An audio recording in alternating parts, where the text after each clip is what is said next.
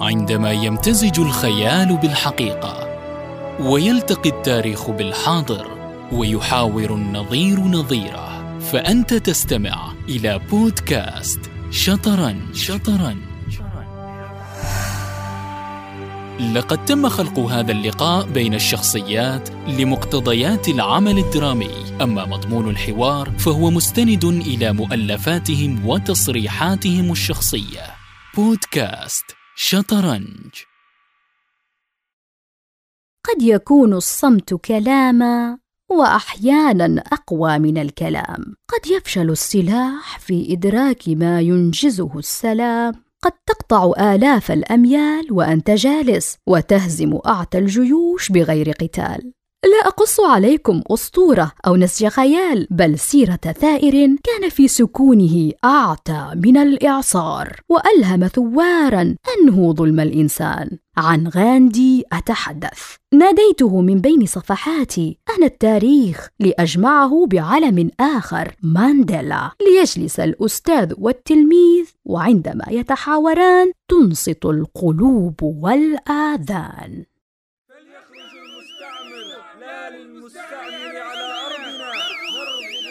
لن تكون مهمتكم سهلة. ليرعى الرب مسيرتكم. لا تقلق. في البداية يتجاهلونك ثم يسخرون منك ثم يحاربونك ثم تنتصر. هل ما تراه عيني حقيقة؟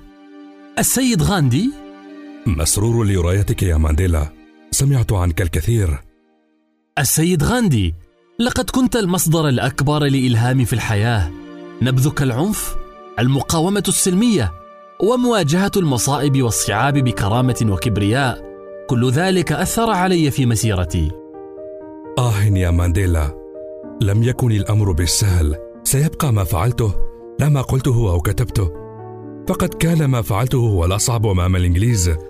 أتعني المقاومة السلمية؟ نعم هي بذاتها أو كما يسميها البعض سياسة اللاعنف خمسين عاما وأنا أبشر العالم بها.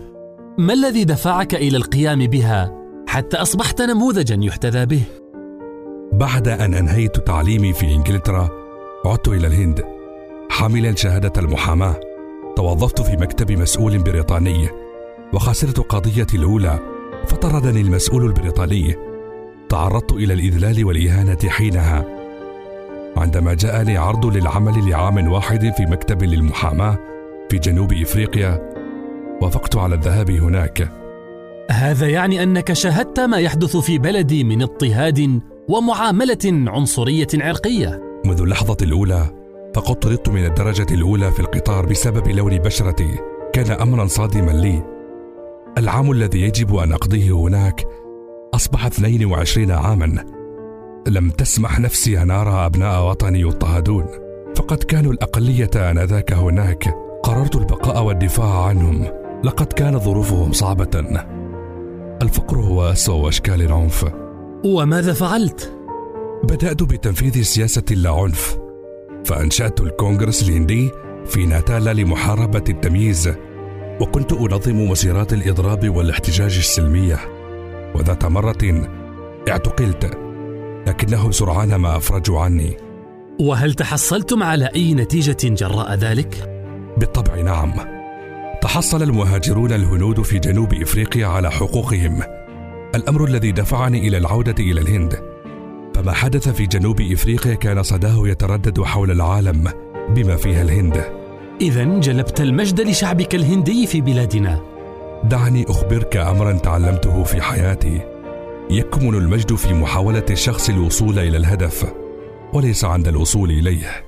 صدقت فيما تقول سيد غاندي. التاريخ جعلك تبرز أكثر في استخدام سياسة اللاعنف في الهند لماذا؟ كنت أدافع عن الأرض والإنسان معا فكثيرون حول السلطة قليلون حول الوطن وكيف كنتم تمارسون سياسة اللاعنف في الهند؟ الصيام والمقاطعة والاعتصام والعصيان المدني والقبول بالسجن وعدم الخوف من أن تقود هذه الأساليب حتى النهاية إلى الموت السجن حتى الموت لم تخش الاعتقال أو الموت. يمكنك أن تقيدني. يمكنك أن تعذبني. يمكنك حتى أن تقوم بتدمير جسدي. ولكنك لن تنجح ابدا في احتجاز عقلي. ويمكنك قتل الثوار لكن لا يمكن قتل الثورة. سأقول لك كلاما يتهمك باستعطاف قلوب الهنود والتلاعب بهم من أجل أن تجعل من نفسك بطلا قوميا.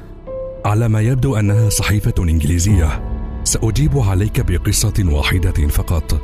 لم أتعلم لعبة الشطرنج لأني لم أحب أن أقتل جيشي وجنودي. كي يعيش الملك. إنه أمر رائع حقا.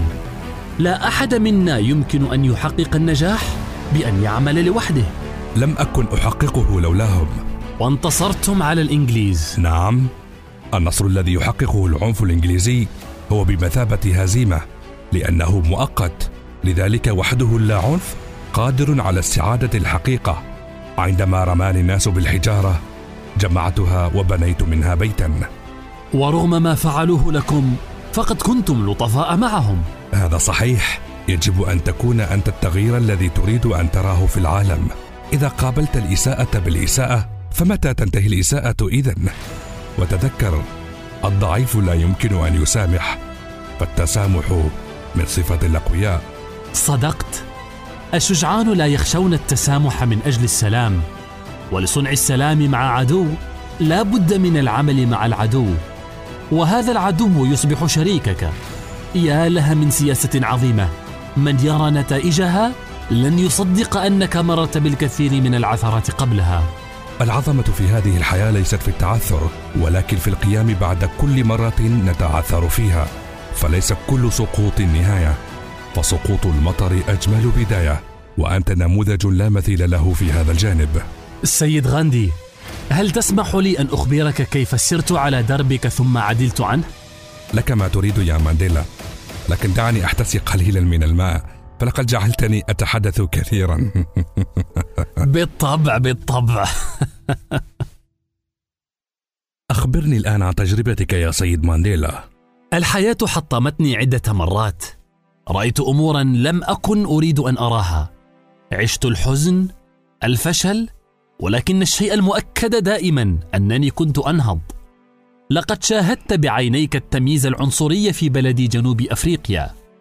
ولقد كنت زائرا لها. فما بالك وأنا ابن هذه التربة وأتعرض إلى الاضطهاد والعداء من قبل ممن لديهم السلطة؟ ليس من محتل كما حدث لكم. لا أحد يولد وهو يكره إنسانا آخر بسبب لون الجلد أو الأصل أو الدين. كل ذلك دفعني إلى تأسيس حملة لمكافحة التمييز العنصري الذي ابتكره الحزب الوطني للبيض. ولقد اعتقلت بتهمة الخيانة العظمى ولكن بعد أربع سنوات تم إسقاط التهم. هل رفعت السلاح عليهم؟ لا لا لم نكن قد حملناه بعد. كنا نتبع سياسة اللاعنف المقاومة السلمية. وهو ما أخافهم أكثر. لكن الحقيقة أننا لم نملك الصبر الذي لديك لمتابعة المسير على نهج اللا عنف خصوصا بعد مجزرة شاربفيل التي قتلت فيها الشرطة عددا كبيرا من السود. اذا تغير نهجكم في التعامل مع التمييز العنصري. نعم تحولنا إلى مرحلة المواجهة. حملنا السلاح وقدت حملة للتخريب الاقتصادي. آه يا مانديلا ليتك لم تفعل. دائما ما أقول أننا سوف نكسب المعركة. لا بمقدار ما نقتل من خصومنا ولكن بمقدار ما نقتل في نفوسنا الرغبة في القتل. لم يكن أمامنا خيار آخر. فقد وصل الأمر إلى التصفية العرقية. وأنت قلت ذات مرة أن طريق الاستقلال يجب أن تمهده الدماء وهذا ما حدث. وهل نلتم ما أردتم؟ نعم ليس قبل أن أدخل السجن. اذا تم اعتقالك مرة أخرى. وحكم علي بالسجن مدى الحياة. أتذكر محاكمة عام 1964 بكل تفاصيلها. لم تكن عادلة مطلقا.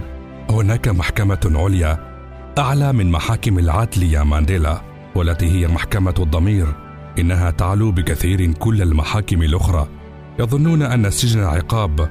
لا بل تستعيد قوتك وفكرك. لا شيء في السجن يبعث على الرضا سوى شيء واحد هو توفر الوقت للتأمل والتفكير. وبدأت في تعليم الأميين في السجن وتعريفهم بأساسيات الاقتصاد والقانون. وفي السجن تصبح الذاكرة خليلا وعدوا في آن واحد. لقد توفيت والدتي وقتل ابني الأكبر ولم أودعهما. رفضوا إخراجي لساعات قليلة من السجن. لقد كانت لحظة صعبة. لطلب الحرية ضريبة لكنهم فخورون بك بكل تأكيد وماذا حدث بعد ذلك؟ كيف أطلق سراحك من السجن؟ في الوقت الذي قضيته مع بقية الزملاء الذين كانوا معي واصل الشباب السود في الخارج مسيرتهم من أجل الحرية فعندما يبدأ الماء بالغليان من الحماقة إطفاء الحرارة واجهت السلطة ضغوطا وعقوبات عالمية دفعتها إلى إطلاق سراحنا والسماح لنا بممارسة النشاط السياسي. عند خروجي من السجن أدركت أنه إن لم أترك كراهيتي خلفي فإنني سأظل سجينا. وفي العام 1990 قبل حكم أقلية البيض بديمقراطية تحتضن كافة الأعراق وحينها صرخت بأعلى صوت فلتحكم الحرية! فلم تغرب الشمس على إنجاز إنساني أعظم مجدا من هذا. إذا حصلتم على الحرية. وصلنا لحرية أن نكون أحرارا. أن تكون حرا ليس مجرد التخلص من القيود بل هو أن نعيش بطريقة تحترم وتعزز حرية الآخرين. والحرية لا تعطى على جرعات فالمرء إما أن يكون حرا أو لا يكون حرا. لكن حلمي تحقق فأفريقيا تعيش في سلام مع نفسها. وماذا عن مانديلا الرئيس؟ بعد ثلاث سنوات من الإفراج عني منحت جائزة نوبل للسلام وبعد خمسة أشهر فقط من ذلك التكريم شارك كافة أبناء بلدي بمختلف أطيافهم باختيار رئيس لهم. وهنا وقع الاختيار علي. في بلدي نذهب إلى السجن أولا ثم نصبح رؤساء. أما أنا فقد عشت زعيما مستقلا بعيدا عن أي دور سياسي رسمي. هنيئا لكم ما قمتم به أيها الرئيس. شكرا لك سيد غاندي. لقد كنت مصدر إلهام لنا حتى وإن أخفقنا قليلا في اتباع سياسة اللاعنف لا غبار عليك يا مانديلا. ما قمت به كان عملا عظيما خالدا. وأنت كذلك يا سيد مهاتما غاندي. ما هي نصيحتك لكل المحتجين في ميادين العالم؟ لدي بعض الكلمات لهم. عيشوا كما لو كنتم ستموتون غدا. وتعلموا كما لو كنتم ستعيشون ابدا. كنتم مع بودكاست شطرنج. سنكون على موعد مع مباراة جديدة. ثنائيات صنعت التاريخ. تلتقي عندنا لتعيد علينا ما حدث. لا تبتعد كثيرا فالشطرنج سيكون هنا بعد أسبوع من اليوم. لمتابعة حلقاتنا تابعونا على صفحاتنا في منصات التواصل الاجتماعي. بودكاست شطرنج.